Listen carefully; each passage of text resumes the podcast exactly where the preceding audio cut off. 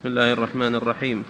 الحمد لله رب العالمين وصلى الله وسلم على عبده ورسوله نبينا محمد وعلى آله وأصحابه أجمعين. قال المؤلف رحمه الله تعالى وفي الحديث الصحيح عن أبي ذر رضي الله تعالى عنه عن النبي صلى الله عليه وسلم فيما يروي عن ربه تبارك وتعالى أنه قال يا عبادي إني حرمت الظلم على نفسي وجعلته بينكم محرما فلا تظالموا. يا عبادي إنكم تخطئون بالليل والنهار وأنا أغفر الذنوب جميعا ولا أبالي. فاستغفروني أغفر لكم. يا عبادي كلكم جائع إلا من أطعمته فاستطعموني أطعمكم. يا عبادي كلكم عار إلا من كسوته فاستكسوني أكسكم. يا عبادي كلكم ضال إلا من هديته فاستهدوني أهدكم. يا عبادي إنكم لن تبلغوا ضري فتضروني ولن تبلغوا نفعي فتنفعوني. يا عبادي لو أن أولكم وآخركم وإنسكم وجنكم كانوا على أتقى قلب رجل واحد منكم ما زاد ذلك في ملكي شيئا. يا عبادي لو أن أولكم وآخركم وإنسكم وجنكم كانوا على أفجر قلب رجل واحد منكم ما نقص ذلك من ملكي شيئا.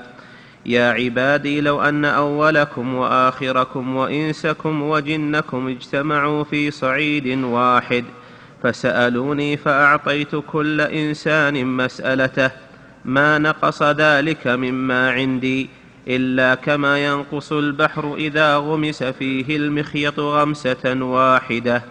يا عبادي إنما هي أعمالكم أحصيها لكم ثم أوفيكم إياها.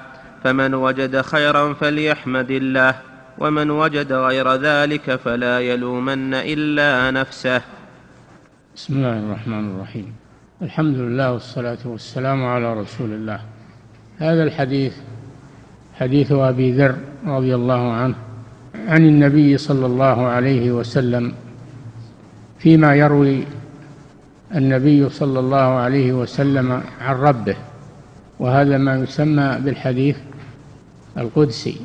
فرقا بينه وبين الحديث النبوي.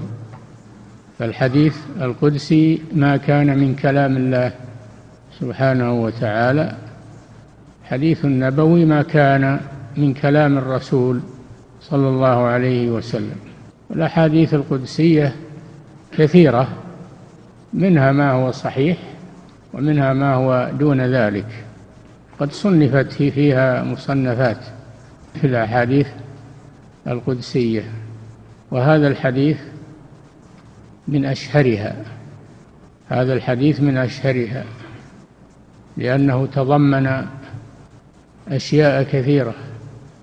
أول ما تضمن تنزيه الله جل وعلا عن الظلم والظلم وضع الشيء في غير موضعه فالله جل وعلا منزه عن الظلم أن يضع العذاب في غير موضعه ويضع النعيم في غير موضعه بل إنه سبحانه حكيم يعذب من يشاء ويرحم من يشاء. وإليه تقلبون لكنه لا يعذب احدا على غير سبب ولا ينعم احدا على غير سبب بل كل يجازيه الله بعمله. كما في آخر الحديث إنما هي أعمالكم إنما هي أعمالكم أحصيها لكم ثم أوفيكم إياها. فمن وجد خيرا فليحمد الله لأن هذا بتوفيق الله سبحانه وتعالى لا بحوله ولا بقوته وإنما الله هو الذي وفقه وهداه.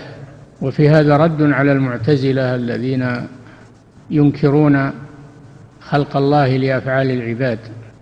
إنما الهداية بفضله سبحانه يهدي من يشاء ويضل من يشاء. لكن الهداية لها أسباب من قبل العبد يفعلها العبد والضلال له أسباب من قبل العبد. كما قال تعالى فأما من أعطى واتقى صدق بالحسنى فسنيسره لليسرى. أعطى واتقى وصدق بالحسنى هذه أفعال العبد وهي سبب لتيسير الله له للحسنى للجنة. وأما من بخل واستغنى وكذب بالحسنى فسنيسره للعسرى. فالعبد هو الذي يسبب لنفسه الشقاء أو السعادة والله منزه أن يظلمه فيشقيه بغير سبب أو يسعده بغير سبب. هذا محل الشاهد من هذا الحديث أن الجزاء إنما يكون على الأعمال. كل يجزى بعمله لا يجزى ويؤاخذ بعمل غيره. وهذا هو العدل من الله سبحانه وتعالى. فإنه لو عذب أحدا بغير ذنب أو عذب أحدا بسبب عمل غيره أو نعم أحدا بسبب عمل غيره كان ذلك ظلما. ينزه الله سبحانه وتعالى عنه. نعم. فأمر سبحانه بحمده على من يحم على ما يجده العبد من خير وإذا وأنه إذا وجد شرا فلا يلومن إلا نفسه. فالخير فضل من الله جل وعلا هو الذي وفق هذا العبد للطاعات والعمل الصالح. ولهذا يقول أهل الجنة إذا دخلوها الحمد لله الذي هدانا وقالوا الحمد لله الذي هدانا لهذا وما كنا لنهتدي لولا أن هدانا الله. اعترفوا بأن هذا فضل من الله سبحانه وتعالى. وكما مر بنا أن الجنة ليست ثمنا للعمل لأنها لا تقابل بالأثمان ولكنها فضل من الله. والعمل سبب فقط. العمل سبب فقط. وأما من وجد غير ذلك غير الخير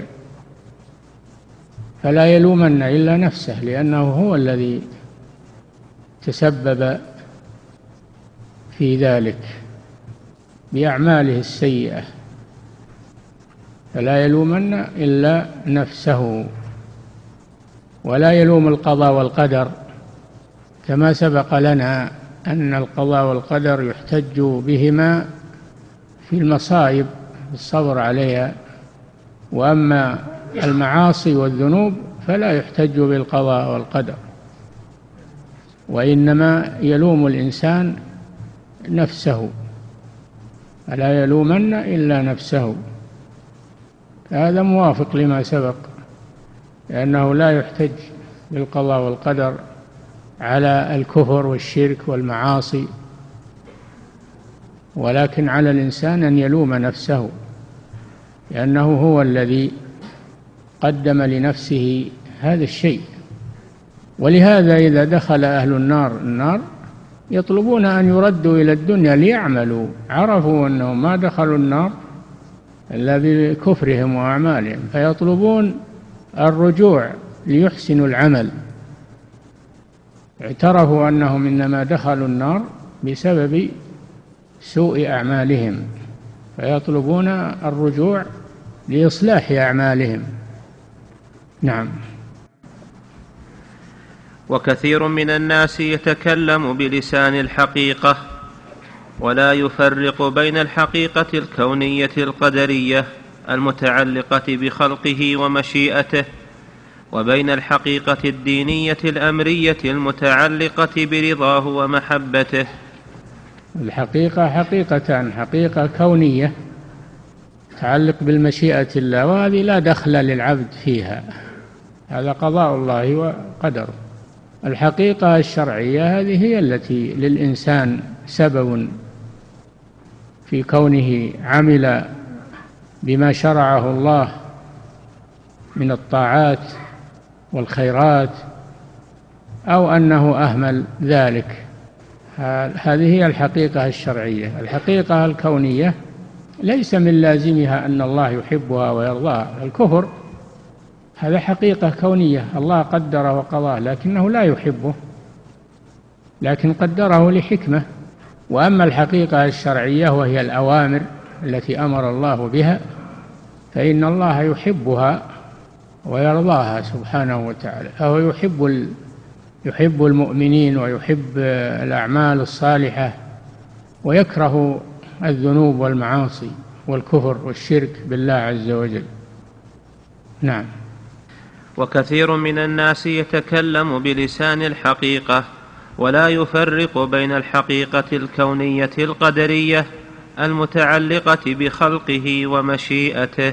نعم يتعلق بالحقيقة الكونية فقط كحالة الجبرية والصوفية وغيرهم الذين يتعلقون بالقضاء والقدر فقط. وهذا خطأ وضلال. هناك حقيقة شرعية أمر الله بها الأوامر والنواهي والأحكام. هذه حقيقة شرعية. هم أغفلوها أغفلوها وأخذوا الحقيقة الكونية فقط. ولا بد أن الإنسان يفرق بين القضاء والقدر وبين الأمر والشرع. كما يأتي من كلام الشيخ لا بد يفرق بينهما. نعم. ولا يفرق بين الحقيقة الكونية القدرية المتعلقة بخلقه ومشيئته. نعم. وبين الحقيقة الدينية الأمرية المتعلقة برضاه ومحبته.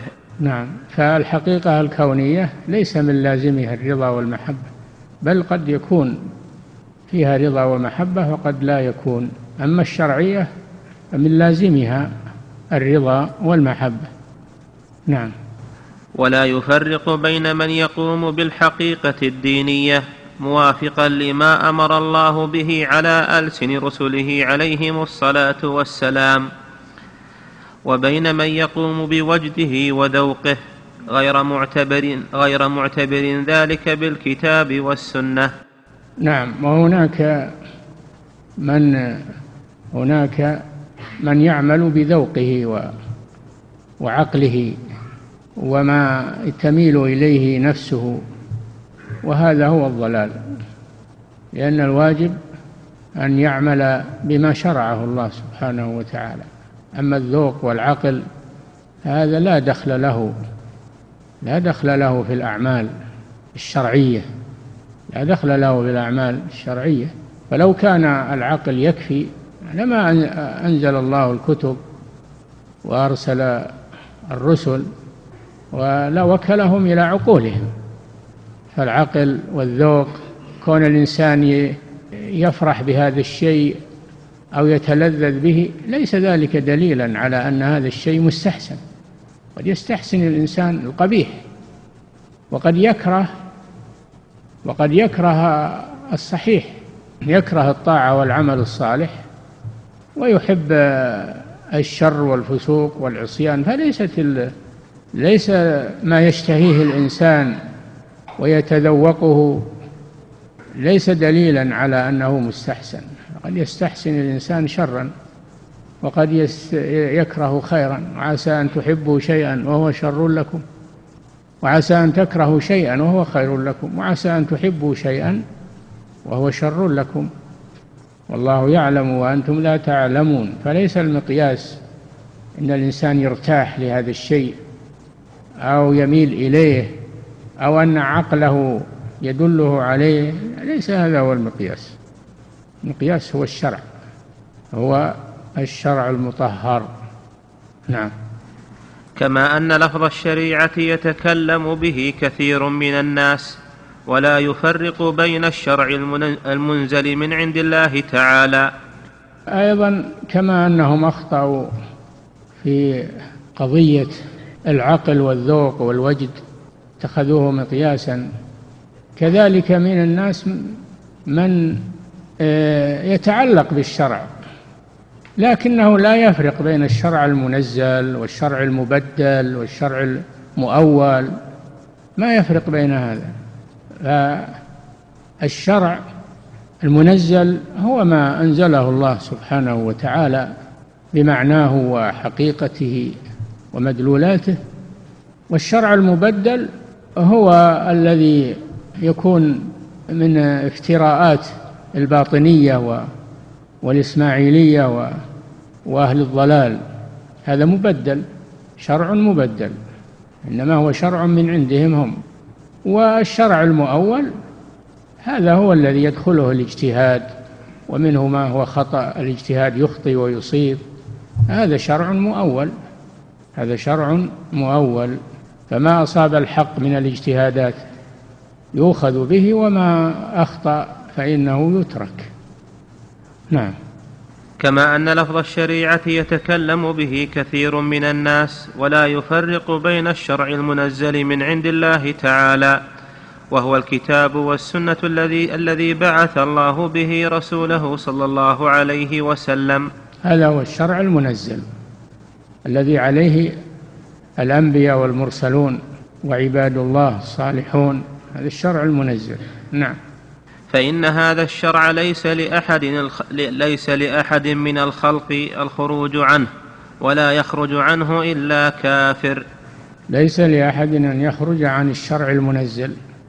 لا يخرج عنه إلا كافر لأنه خرج عن أمر الله مثل إبليس.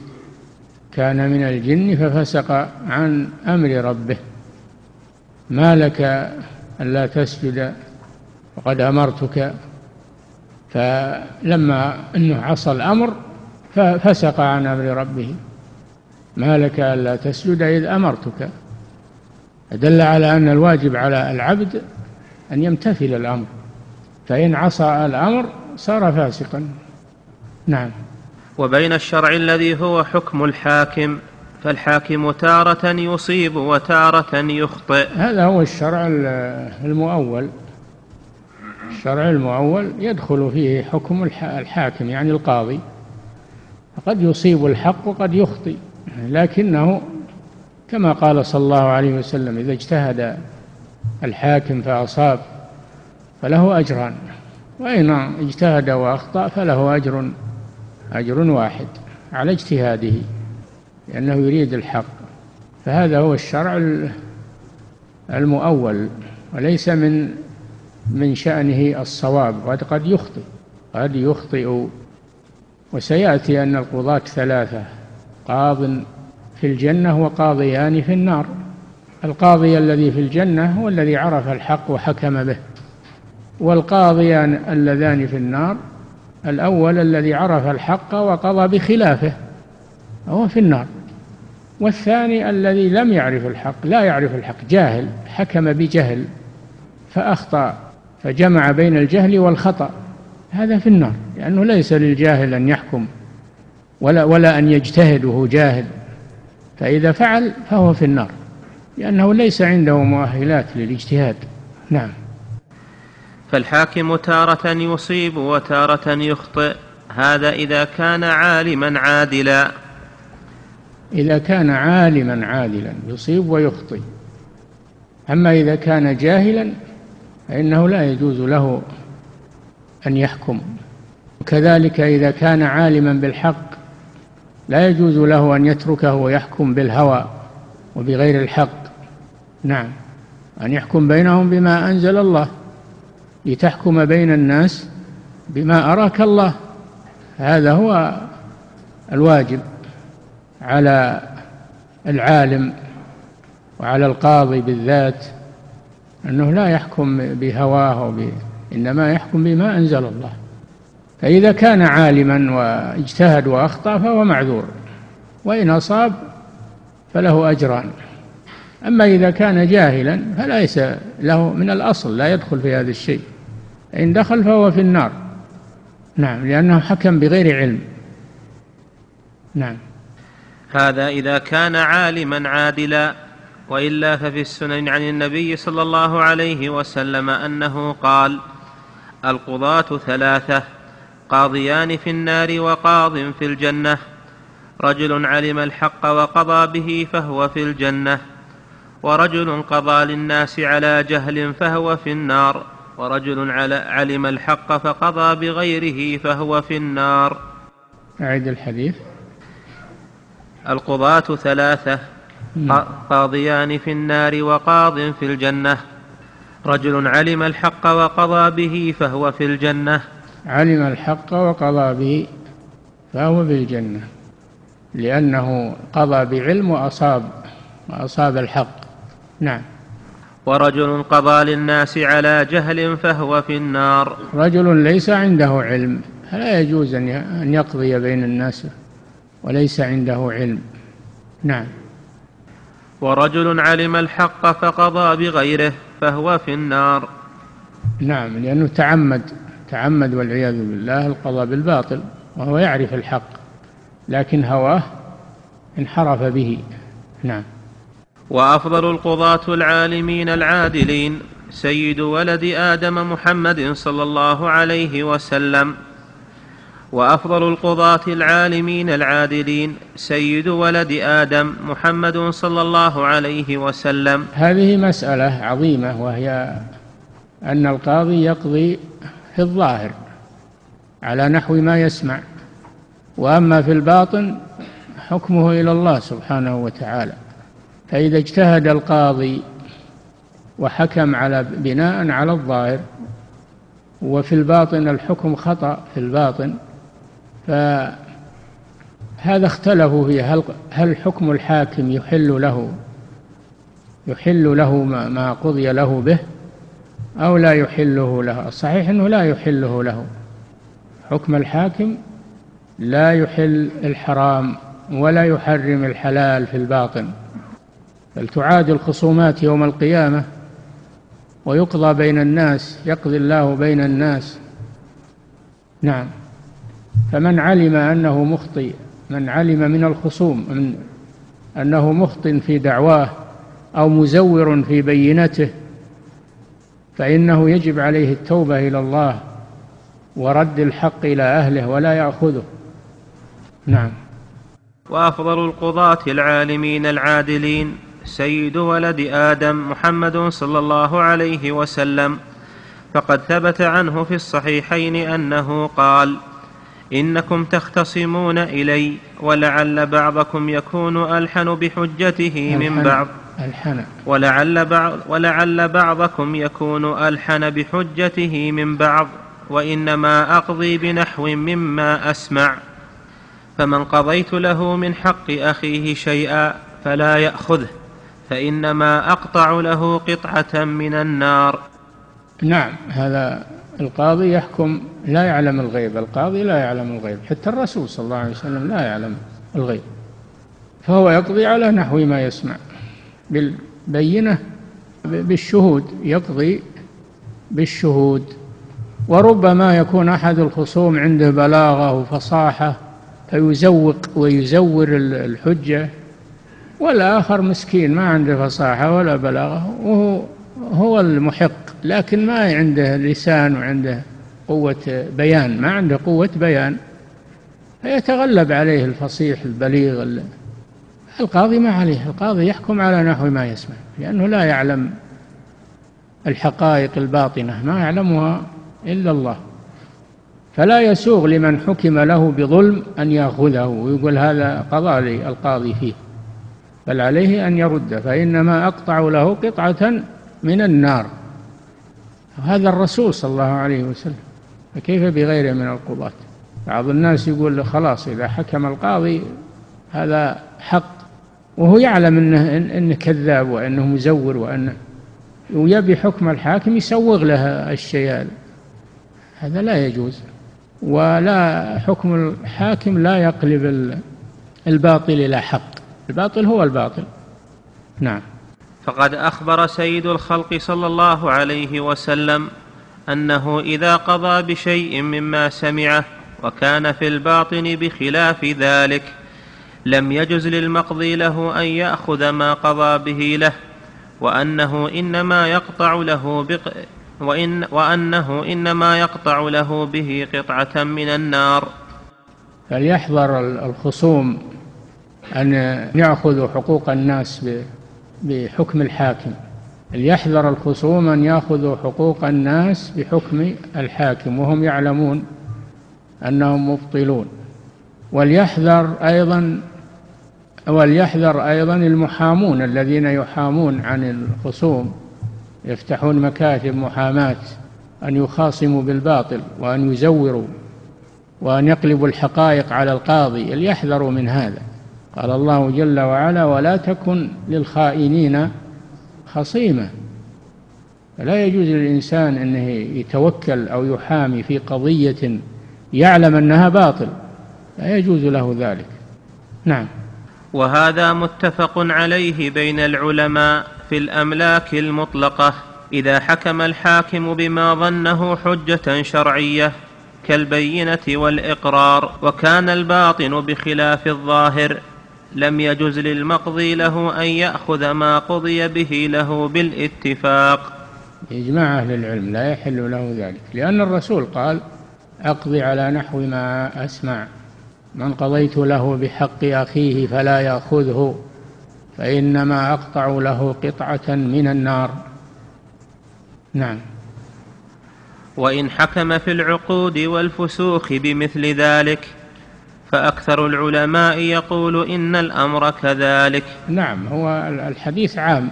الحديث عام في العقود وفي الفسوخ كالطلاق وغيره من فسوخ العقود. نعم. فأكثر العلماء يقول إن الأمر كذلك وهو مذهب مالك والشافعي وأحمد بن حنبل. لعموم الحديث. نعم. وفرق أبو حنيفة رضي الله عنه بين النوعين. بين العقود والفسوخ فعنده أن حكم الحاكم يكون في العقود. إذا آه، إذا صارت خطا والقاضي لا يدري القاضي لا يدري فليس للمبطل أن يأخذ ما قضي به. أما الفسوخ كالطلاق فلا يجوز للقاضي أن يحكم إلا بالتثبت و نعم. ما يكتفي بالظاهر بل يتأكد ويتحقق من الأمر. نعم. فلفظ الشرع والشريعة إذا أريد به الكتاب والسنة لم يكن لأحد من أولياء الله ولا لغيرهم أن يخرج عنه. الناس على ألسنتهم الآن دائما الشرع الشرع. يريدون بذلك حكم القاضي. يريدون بذلك حكم القاضي يسمونه شرع ولكن الشرع الصحيح والحق هو ما أنزله الله سبحانه وتعالى. أما حكم القاضي فهو اجتهاد يخطئ ويصيب. فالشرع الذي لا يخطئ هو ما أنزله الله عز وجل. أما الشرع الذي هو حكم الحاكم فهو يخطئ ويصيب. نعم. ولا تقل أنا أخذت هذا بحكم الشرع يعني بقضاء القاضي. لأن القاضي يجتهد. قد يصيب وقد يخطئ. نعم. فلفظ الشرع والشريعة إذا أريد به الكتاب والسنة لم يكن لأحد من أولياء الله ولا لغيرهم أن يخرج عنه. ومن ظن أن لأحد من أولياء الله طريقا إلى الله غير متابعة محمد صلى الله عليه وسلم باطنا وظاهرا فلم يتابعه باطنا وظاهرا فهو كافر. نعم هذا كغلاة الصوفية الذين يقولون نحن وصلنا إلى الله وبعضهم يقول أنا آخذ عن الله مباشرة ولا ولا أحتاج إلى الرسل إنما الرسل للعوام أما الخواص ليسوا بحاجة إلى الرسل. هذا كفر وإلحاد والعياذ بالله. هذا كفر وإلحاد. فإنه ليس للناس طريق إلى الله جل وعلا إلا عن طريق الرسل. الذي يزعم أنه يستغني عن الرسل هذا ملحد. وإن كان يزعم أنه من أولياء الله فهو من أولياء الشيطان ليس من أولياء الله. نعم. ومن احتج في ذلك بقصة موسى مع الخضر عليهما السلام. نعم يحتجون بأنه يجوز الإنسان أن يخرج عن الشريعة أن يخرج عن الشريعة إذا كان عنده ذوق أو أنه يزعم أنه ولي من أولياء الله فليس بحاجة إلى الرسول. ويحتجون بقصة الخضر مع موسى عليه السلام فإن الخضر في وقت موسى ومع هذا ليس هو من أتباع موسى. ليس هو من أتباع موسى. نقول موسى عليه السلام رسالته ليست عامة كرسالة نبينا محمد صلى الله عليه وسلم. ولذلك قد يكون في الزمان الواحد الوقت الواحد أنبياء متعددين أنبياء متعددين وكل له شريعة. لكل جعلنا منكم شرعة ومنهاجا. لأن الرسالات السابقة ليست عامة. أما رسالة نبينا صلى الله عليه وسلم فهي عامة للثقلين للجن والإنس. فلا يسع أحدا الخروج عنها مهما بلغ من الولاية ومن العلم. ليس له أن يخرج عنها بخلاف الخضر. فإن رسالة موسى عليه السلام ليست عامة إنما هي خاصة ببني إسرائيل. قال موسى يا بني إسرائيل وإذ قال موسى لقومه يا قوم لم تؤذونني؟ وقد تعلمون أني رسول الله إليكم يعني بني إسرائيل. وهو رسول إلى بني إسرائيل وليست رسالته عامة للثقلين كنبينا محمد صلى الله عليه وسلم ولذلك وسع الخضر أن يخرج عن شريعة موسى لأن شريعة موسى خاصة لا تتناول كل أهل الأرض. نعم. ومن احتج في ذلك بقصة موسى مع الخضر عليهم. الخضر عبد صالح. الخضر عبد صالح. اختلفوا فيه. هل هو نبي أو ولي من أولياء الله؟ عنده علم. أعطاه الله علما. أعطاه الله علما. فوجد عبدا من عبادنا. آتيناه رحمة من عندنا وعلمناه من لدنا علما. فهو عنده علم من الله سبحانه وتعالى. ما هو من ذوقه ولا من وجده ولا من الله أعطاه الله. وقيل أنه نبي يوحى إليه. رجح بعض العلماء أنه نبي ومنهم الشيخ عبد العزيز بن باز رحمه الله. يرجح أن الخضر أنه نبي لأنه ظهر على يده معجزات لا تكون إلا للأنبياء. والفريق الثاني على أنه عالم. وولي من أولياء الله. نعم. ومن احتج في ذلك بقصة موسى مع الخضر عليهما السلام كان غالطا من وجهين. أحدهما أن موسى عليه السلام لم يكن مبعوثا إلى الخضر. ها رسالة موسى عليه السلام خاصة وليست عامة. لا تعم الخضر. ما عمت أهل الأرض كلهم مثل رسالة محمد صلى الله عليه وسلم. نعم. وقال صلى الله عليه وسلم لما ذكر خصائصه قال وكان النبي يبعث إلى قومه خاصة وبعثت إلى الناس عامة.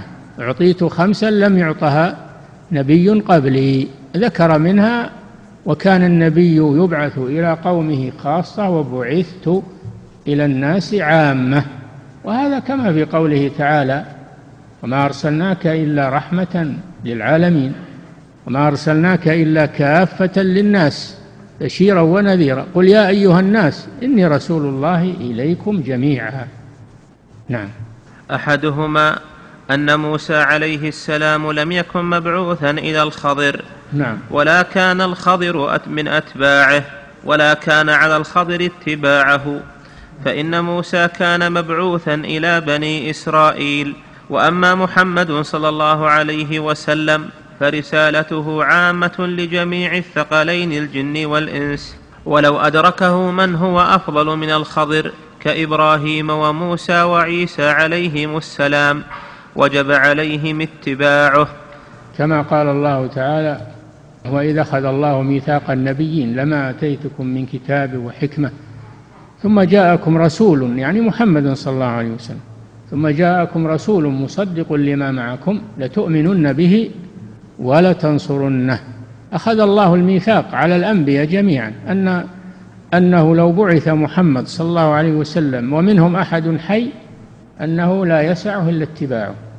فكيف بغيرهم؟ نعم. نعم. ولو أدركه من هو أفضل من الخضر كإبراهيم وموسى وعيسى عليهم السلام وجب عليهم اتباعه. فكيف بالخضر سواء كان سواء كان نبيا أو وليا؟ على الخلاف نعم. سواء كان نبيا أو وليا. ما يلزمه اتباع موسى لأنه لم يرسل إليه. نعم.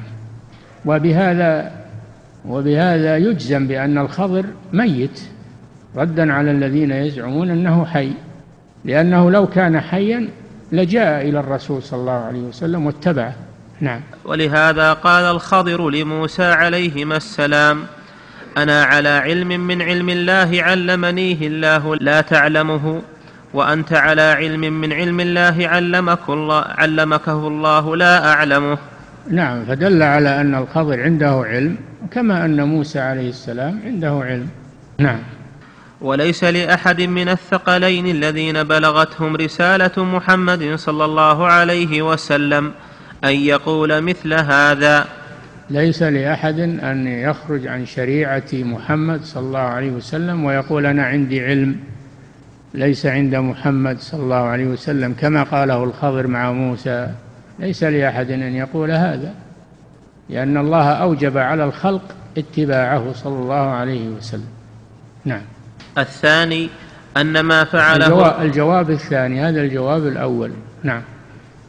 الثاني أن ما فعله الخضر لم يكن مخالفا لشريعة موسى عليه الصلاة والسلام. نعم. وموسى لم يكن علم الأسباب التي تبيح ذلك فلما بينها له وافقه على ذلك. نعم. الجواب الثاني أن الخضر لم يعمل أشياء مخالفة لشريعة موسى عليه السلام فلم يكن لأحد ان يخرج على الشريعة ويحتج بالخضر لأن الخضر لم يعمل شيئا يخالف شريعة موسى لكن فعل أشياء خفيت على موسى فلما وضحها له أقره على ذلك واعترف له. نعم. أن ما فعله الخضر لم يكن مخالفا لشريعة موسى عليه السلام وموسى لم يكن علم الأسباب التي تبيح ذلك. فلما بينها له وافقه على ذلك. فإن خرق السفينة ولما وموسى لم يكن علم الأسباب التي تبيح ذلك فلما بينها له وافقه على ذلك. أقره على ذلك ما في واو. أقره موسى على ذلك. قصة قتل خرقه للسفينة في البحر وقصة قتله للغلام. وقصة إقامته للجدار في البلد الذي لم يضيفوه. هذه تخفى على موسى فبينها له الخضر نعم. سأنبئك بتأويل ما لم تستطع عليه صبرا نعم. فإن خرق السفينة ثم ترقيعها لمصلحة أهلها خوفا من الظالم أن يأخذها إحسان إليهم وذلك جائز. نعم. هو أراد أن أراد بخرقه السفينة في البحر. موسى عليه السلام قال أخرقتها لتغرق أهلها. هذا في الظاهر ولم يكن يعلم مقصود الخبر. الخبر علم أن هناك ملكا غاصبا يأخذ كل سفينة كل سفينة صالحة يأخذها. فموسى عليه السلام خرقها لأجل أن يعيبها فلا يأخذها ذلك. الجبار خرقها ورقعها رقع الماء ولم يخرج على الناس. فإذا رأى الملك هذه السفينة مرقعة تركها. نعم. وقتل الصائل جائز وإن كان صغيرا. نعم وقتله للغلام بين أنه خاف على أبويه أن يضلهما إذا كبر أن يضل أبويه لأن الله أطلعه على أن هذا الغلام لو كبر لا لأضل أبويه. فقتله لأن هذا له حكم الصائل والصائل يجوز قتله. وأما الغلام فكان أبواه مؤمنين فخشينا أن يرهقهما طغيانا وكفرا فأردنا أن يبدلهما ربهما أن يبدلهما ربهما خيرا منه. زكاة وأقرب رحما فهو من باب قتل الصائل لأنه لو كبر لصال على والديه فأضلهما. وهذا مما أطلعه الله عليه. نعم. وقتل الصائل جائز وإن كان صغيرا. وإن كان صغيرا لو جاء واحد يقتلك له صغير له ابن سبع سنين ولا يندفع إلا بقتله تقتله. نعم. فهذا صائل على أبويه.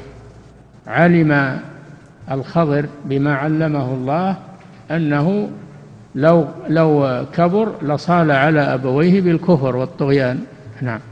ومن كان تكفيره لأبويه لا يندفع إلا بقتله جاز قتله. من كان تكفيره يعني حمل أبويه على الكفر لا يندفع إلا بقتله جاز قتله. نعم. قال ابن عباس رضي الله تعالى عنهما لنجدة الحروري لما سأله عن قتل الغل عن قتل الغلمان. نجدة, نجدة الحروري يعني من الخوارج. هذا من الخوارج من رؤوس الخوارج. سأل ابن عباس عن قتل الغلمان هل يجوز أو لا يجوز؟ نعم. أجابه نعم. قال له إن كنت علمت منهم ما علمه الخضر من ذلك الغلام فاقتلهم وإلا فلا تقتلهم. نعم لأن الخوارج ديدنهم القتل سفك الدماء. يقتلون الصغار والكبار. فالصغار لا يجوز قتلهم إلا إذا أعطي الإنسان ما أعطيه الخضر أنه يعلم مآلهم وما يكون من من شانهم ويعلم أنهم سيفسدون في الأرض يقتلهم. أما إذا كان ما يعلم فلا يجوز قتل الصغار. نعم. إن كنت, إن كنت علمت منهم ما علمه الخضر من ذلك الغلام فاقتلهم وإلا فلا تقتلهم. نعم. رواه البخاري. نعم. وأما الإحسان إلى اليتيم بلا عوض والصبر على الجوع فهذا من صالح الأعمال. وأما وأما الإحسان إلى اليتيم بلا عوض نعم. والصبر على الجوع فهذا من صالح الأعمال. نعم. فلم يكن في ذلك شيء مخالفا شرع الله. هذا الأمر الثالث. الأمر الثالث وهو آه، اليتيمين. لما بنى الجدار وأهل القرية لم يطعموهم يقول كيف تبني لهم جدار وهم ما أطعمونا؟ لو لو شئت لاتخذت عليه أجرا. قال وأما الجدار فكان لغلامين يتيمين في المدينة وكان تحته كنز لهما. يعني لو ترك الجدار ظهر الكنز فهو بنى الجدار ليستر الكنز ويخفيه. هذا إحسان إلى الأيتام ما هو بإحسان إلى أهل القرية إحسان إلى الأيتام. وكان تحته كنز لهما وكان أبوهما صالحا. فأراد ربك أن يبلغا أشدهما ويستخرجا كنزهما رحمة من ربك وما فعلته عن أمري. هذا من أمر الله سبحانه وتعالى. نعم. وأما الإحسان إلى اليتيم بلا عوض والصبر على الجوع. لأنه قال لو شئت لاتخذت عليه أجر يعني عوض هو بناه بلا عوض. نعم. وأما الإحسان إلى اليتيم بلا عوض والصبر على الجوع فهذا من صالح الأعمال. صبر الخضر على الجوع معه موسى لأنهم لم يضيفوهم فأحسن إلى الأيتام وصبر على الجوع. نعم. فهذا من صالح الأعمال فلم يكن في ذلك مخالفا شرع الله. ما كان الخضر بهذا مخالفا شرع الله ولهذا قال وما فعلته عن أمري. نعم. ذلك تأويل ما تأويل يعني تفسير تفسير ما غمض على موسى عليه السلام. نعم. وأما إذا أريد بالشرع حكم الحاكم فقد يكون ظالما. الأول يراد بالشرع ما أنزل الله سبحانه وتعالى. والأمر الثاني أن يراد بالشرع حكم الحاكم. كما عند العوام الآن يقولون الشرع الشرع حكم لي الشرع إلى آخره. التعبير هذا فيه نظر لأن حكم الحاكم ما هو هو الشرع ولكنه اجتهاد منه. ولهذا كان من وصية النبي صلى الله عليه وسلم لبعض قواده إذا حاصرت حصنا فطلبوا أن تنزلهم على حكم الله. فلا تنزلهم على حكم الله ولكن أنزلهم على حكمك.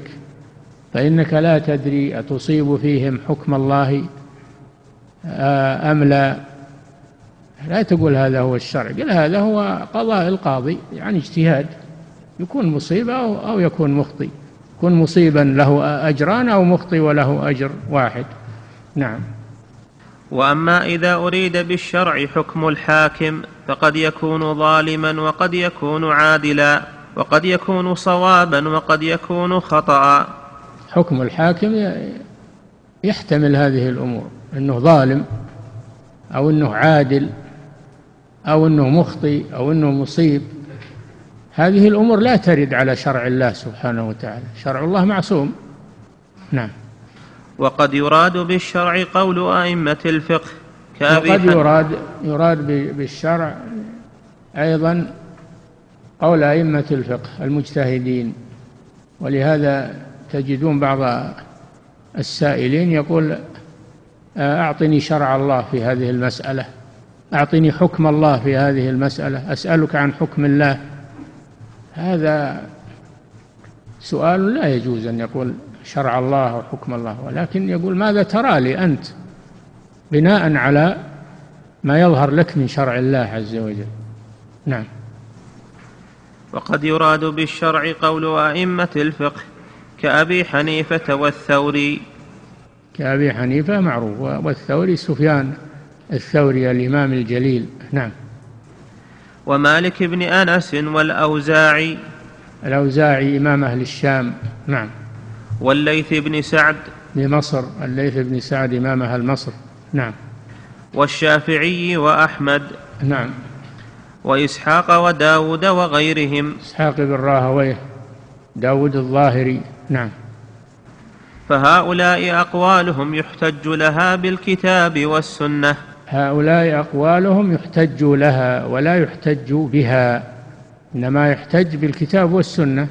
أما أحكام الفقهاء فهذه يحتج لها فما وافق الدليل فهو حق وما خالف الدليل فهو خطأ. نعم. وإذا قلد غيرهم حيث يجوز ذلك. الآن يطنطنون بالخلافات وأن الناس يسعهم ما يفعلون لأن ما هنا شيء إلا وفيه خلاف. ما هنا شيء إلا وفيه خلاف بين الفقهاء ف يقولون هذا من سماحة الشريعة يجعلون خلاف الفقهاء شريعة وهذا من الجهل أو من أو من الضلال.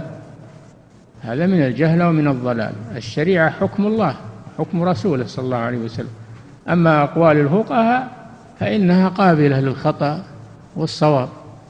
فإن تنازعتم في شيء فردوه إلى الله والرسول. فأقوال الفقهاء ترد إلى الله والرسول إلى الكتاب والسنة. نعم. وإذا قلد غيرهم حيث يجوز ذلك كان جائزا وإذا قلد أحدا منهم حيث يجوز ذلك يجوز التقليد. الذي يجوز له التقليد من هو؟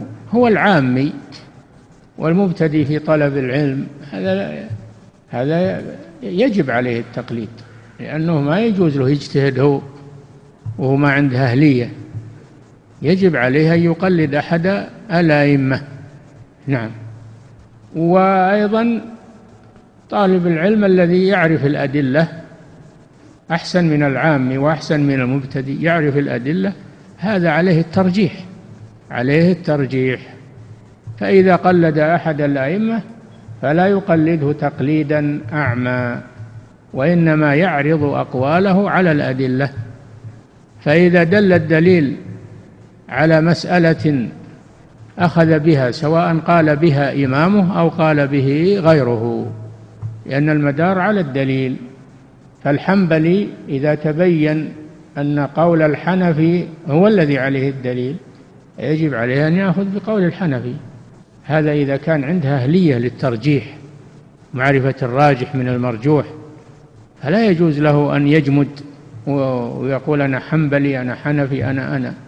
عليه أنه يعرض أقوال إمامه على الأدلة فما وافق أخذ به وما خالف تركه وأخذ بالدليل.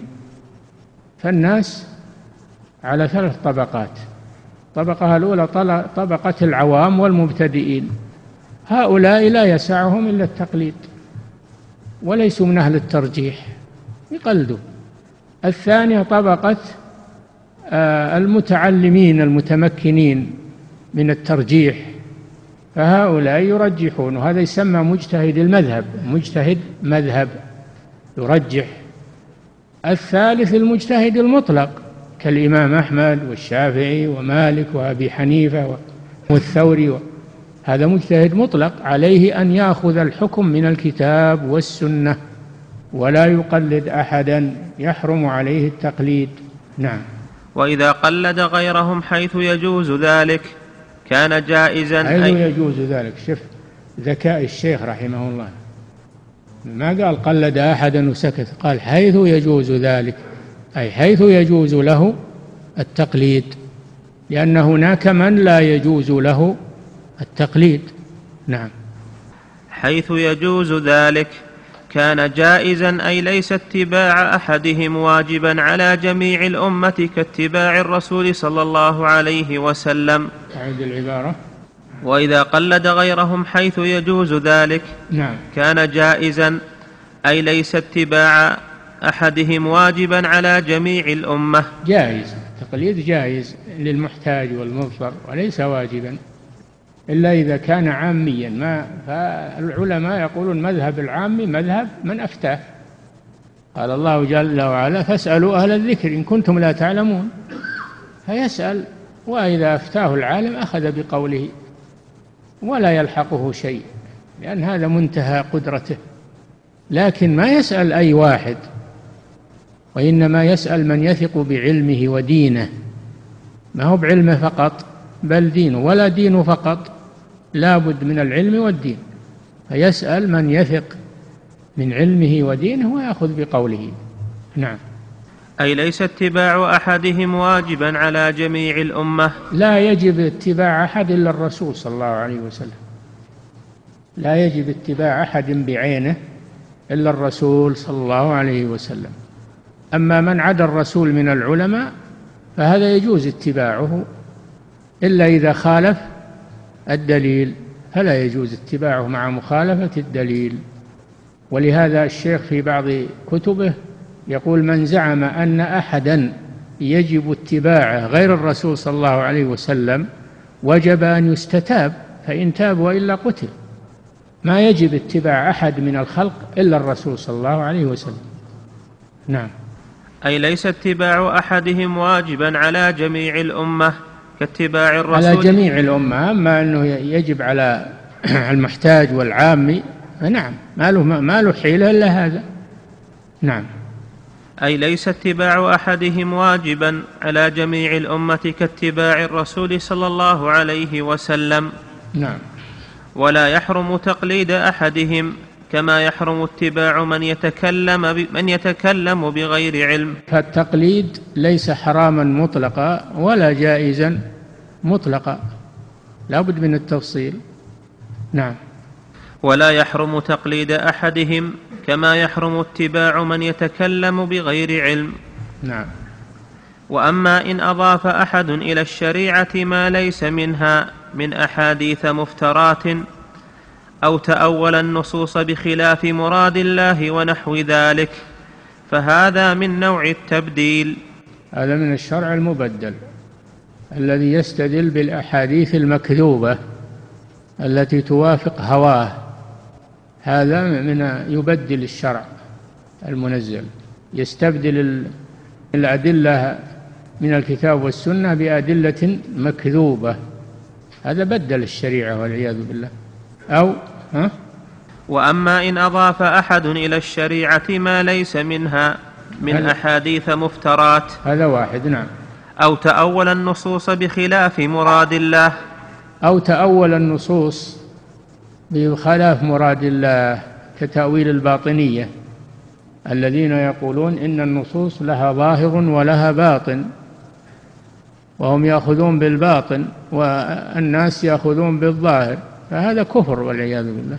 هذا كفر بالله. هذا تبديل لشرع الله. نعم. أو تأول النصوص بخلاف مراد الله ونحو ذلك. نعم. فهذا من نوع التبديل. فيجب الفرق بين الشرع المنزل والشرع المؤول والشرع المبدل. الشرع المنزل هو الكتاب والسنة.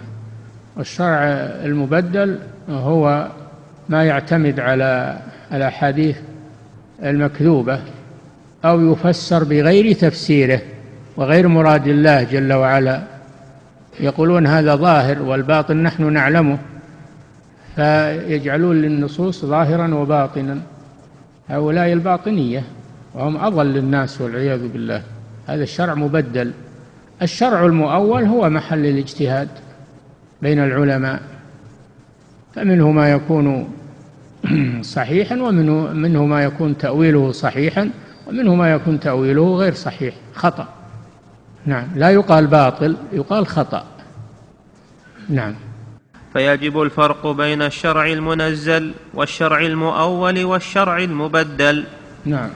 كما يفرق بين الحقيقة الكونية والحقيقة الدينية الأمرية. كما سبق أن هناك حقيقة كونية وهي القضاء والقدر وحقيقة شرعية وهي التي أمر الله بها وأمر بها رسوله صلى الله عليه وسلم. نعم. وبين ما يستدل عليها بالكتاب والسنة وبين ما يكتفى فيها بذوق صاحبها ووجده. هذا إعادة لما سبق من الناس من يأخذ بذوقه ووجده وعقله ويترك الكتاب والسنة. نعم. فصل يكفي. أحسن الله إليكم صاحب الفضيلة. هذه أسئلة كثيرة. هذا سائل يقول هل الحديث القدسي يتلقاه الرسول صلى الله عليه وسلم من ربه مباشرة أو بواسطة الوحي؟ يرويه عن ربه سبحانه وتعالى. يرويه عن ربه. والوحي قسمان. وحي يأتي به الملك ووحي يلقيه الله جل وعلا في روع النبي صلى الله عليه وسلم. نعم. أحسن الله إليكم صاحب الفضيلة وهذا السائل يقول هل في قول البعض بأن الفرق بين الحديث القدسي والحديث النبوي أن القدسي معناه من الله ولفظه من النبي صلى الله عليه وسلم أما الحديث النبوي فإن لفظه ومعناه من النبي عليه الصلاة والسلام؟ هل في هذا التفريق مدخل لقول الأشاعرة بالمعنى النفسي؟ هذا الكلام ما هو بصحيح. هذا الكلام ما هو بصحيح. الحديث النبوي هو الذي معناه من الله ولفظه من الرسول صلى الله عليه وسلم. هذا الحديث النبوي وما ينطق عن الهوى إن هو إلا وحي يوحى. أما الحديث القدسي فهذا لفظه ومعناه من الله سبحانه وتعالى. لفظه ومعناه لكنه يختلف عن القرآن بأحكام. القرآن متواتر والحديث القدسي قد يكون ضعيفا وقد يكون حسنا وقد يكون صحيحا وقد يكون آحادا وقد يكون متواترا. فهو ما هو مثل القرآن من ناحية الثبوت من ناحية السند. أيضا الحديث آه، آه، القدسي يجوز للإنسان يلمسه على غير طهارة خلاف القرآن فلا يمسه إلا إلا طاهر. الحديث القدسي لا يقرأ به في الصلاة لا يتعبد بتلاوته خلاف الحديث بخلاف القرآن فإنه يتعبد بتلاوته. هناك فروق بين وكله كلام الله لكن بينهما فروق من ناحية الأحكام. نعم. أحسن الله إليكم صاحب الفضيلة وهذا سائل يقول هل لنا بمثال على الحقيقة الكونية ومثال آخر على الحقيقة الشرعية؟ الأمثلة واضحة. والحقيقة الكونية القضاء والقدر. هذه الحقيقة الكونية. القضاء والقدر. وأما الحقيقة الشرعية فهي الكتاب والسنة. نعم. أحسن الله إليكم صاحب الفضيلة. هذا سائل يقول أو تقول الحقيقة الشرعية الشريعة. الشريعة المنزلة. نعم. أحسن الله إليكم. هذا السائل يقول كيف نرد على من يقول إن أفعال العباد مخلوقة؟ وأن العباد من أفعالهم الظلم والظلم حرمه الله على نفسه. لكن قدره لكن قدره على العبد بسبب من العبد. يقدر الله على العبد أن يكون ظالما وأن يكون كافرا وأن يكون زانيا وأن يكون سكيرا وأن يكون بسبب ذنوبه عقوبة له. كل شيء بقضاء الله وقدره المعاصي والطاعات والكفر والإيمان. والخير والشر لا يأخذ شيء عن قضاء الله وقدره. نعم. أحسن الله إليكم صاحب الفضيلة وهذا السائل يقول هل القاضيان اللذان في النار هما القاضيان الشرعيان فقط أو يشمل جميع الناس من طلبة العلم والدعاة وعوام الناس؟ لا المراد بالقضاة اللي يحكمون بين الناس في الخصومات هذا المراد بالقضاة. أما الذين يجتهدون قالوا لهم المجتهدون ويقال لهم العلماء ألا يقال لهم قضاة. القضاء خاص بالخصومات بين الناس. نعم. أما الثاني يسمى اجتهاد. نعم. فالمجتهد لا يسمى قاضيا. المجتهد في استنباط المسائل ولا يسمى قاضيا. نعم. أحسن الله إليكم. هذا السائل يقول ما حكم تسمية الحاكم بالحاكم؟ ها؟ يقول ما حكم تسمية الحاكم بالحاكم؟ إيش يسمى إذا؟ هو اسمها الحاكم سواء كان حاكم بالحق أو حاكم بالباطل هو حاكم. نعم. أحسن الله إليكم صاحب الفضيلة. هذا السائل يقول هل للقاضي أن يحكم بعلمه ولو كان خلاف ما أظهره الخصم من البينة بسبب ما عنده من البلاغة؟ لا ما يحكم بعلمه يحكم بموجب الشهادة أو الإقرار البينة على المدعي واليمين على من أنكر أنه إذا حكم بعلمه يتهم إذا حكم بدون بينة وبدون إقرار يتهم في هذا يحكم بما يظهر له. لكن إذا كان يعلم بطلان البينة يطلب ببينة ثانية أو يطلب بمزكين للبينة أو يحيل المسألة إلى غيره. نعم. أحسن الله إليكم صاحب الفضيلة وهذا السائل يقول قال بعض السلف أول طريق الزندقة القول بأن الخضر ولي وليس بنبي فما وجه هذا القول؟ هذا كلام باطل. هذا قاله كثير من العلماء أنه ولي وليس نبيا. يعني زندقة يعني اللي قالوا أنه أنه ولي زنادقة كلام من المجازفة. نعم. الذين قالوا إنه ولي أكثر من الذين قالوا إنه نبي. وكلهم زنادقة. نعم. أحسن الله إليكم صاحب الفضيلة وهذا السائل يقول الصوفية استدلت بقصة الخضر على أن الخضر عليه السلام أنه ولي وأن الولي أفضل من النبي. ما هو بأفضل من موسى؟ من قال هذا؟ هل الخضر أفضل من موسى؟ لا. حتى لو كان نبي لو كان نبي ما هو بأفضل من موسى عليه السلام. لأن موسى كليم الله. رسول من أولي العزم. نعم. أحسن الله إليكم صاحب الفضيلة وهذا السائل يقول هل يجوز لمن هل يجوز لي أن أعمل عملا ظاهره باطل ولكن أقصد به خيرا في الباطن مثل ما فعله الخضر مع موسى عليهما السلام؟ إذا كان يوحى إليك ما خالف أما, أما إذا كنت تعمل هذا وأنت ما هذا هذا كلام ما ينبغي يقال هذا. نعم. أحسن الله إليكم صاحب الفضيلة وهذا السائل يقول هل من أقر أهل الكتاب على دينهم بعد بعثة النبي صلى الله عليه وسلم يكون كافرا؟ هل إيش؟ هل من أقر أهل الكتاب على دينهم بعد بعثة النبي صلى الله عليه وسلم؟ يا أخي الإقرار غير الإقرار على دينهم بالعهد والذمة غير الحكم بصحة دينهم. فأنت تقرهم على ما على دينهم بدفع الجزية وتعتقد أن دينهم باطل. ففي فرق بين الإقرار وبين تصحيح دينهم ويقال أنهم على حق. في فرق بين هذا وهذا. نعم. أحسن الله إليكم صاحب الفضيلة. هذا السائل يقول ما هو الصائل؟ الصائل الذي الذي يهم بالإنسان ليقتله أو لي يأخذ ماله أو ليفجر بأهله هذا هو السائل نعم. قد يكون من بني آدم وقد يكون من الدواب. نعم. أحسن الله إليكم صاحب الفضيلة وهذا السائل يقول ما رأيكم صاحب الفضيلة بمكاتب المحاماة المنتشرة الآن وهل هي ظاهرة صحية طيبة؟ محاماة تختلف المحاماة بالحق لا بأس. يجوز التوكيل في الخصومة. أما المحاماة بالباطل فإنها لا تجوز. نعم. أحسن الله إليكم. وهذا سائل يقول سمعت من أحد الأشخاص أن في مجموع فتاوى ابن تيمية رحمه الله أنه سئل عن الخضر هل هو حي أو ميت؟ فأجاب أنه حي.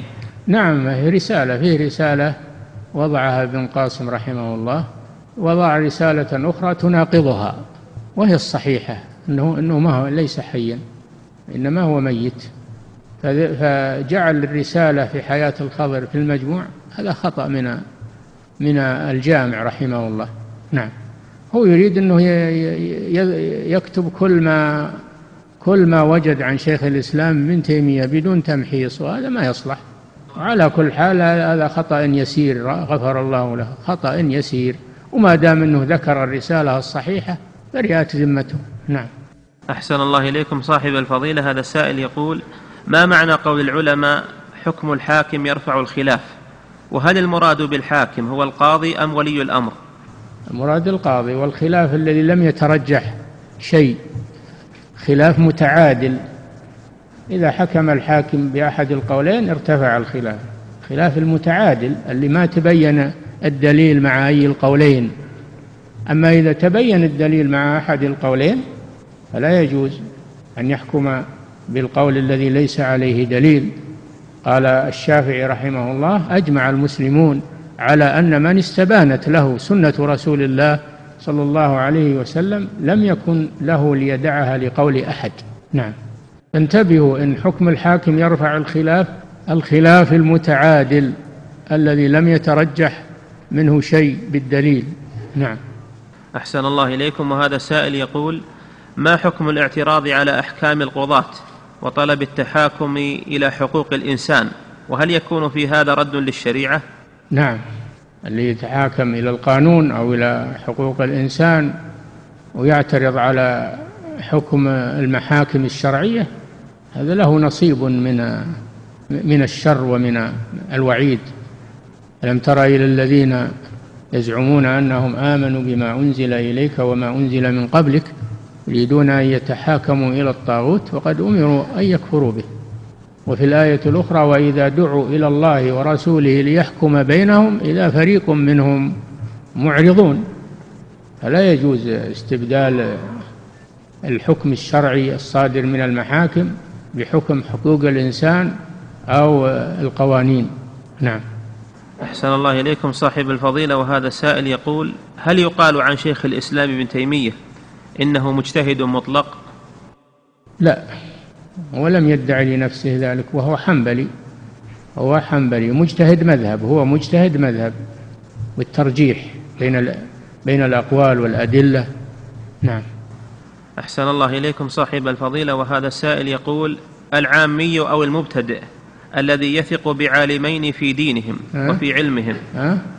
يقول سلمك الله العامي أو المبتدئ الذي يثق بعالمين في دينهم وفي علمهم واختلف في مسألة وعلم ذلك منهم. هل يأخذ بقول الأحوط أو يأخذ بقول الأسهل؟ يأخذ بالأحوط لأن العالمين وإن بلغ من العلم ما بلغ ليس معصومين فيأخذ بالأحوط. دع ما يريبك إلى ما لا يريبك. نعم.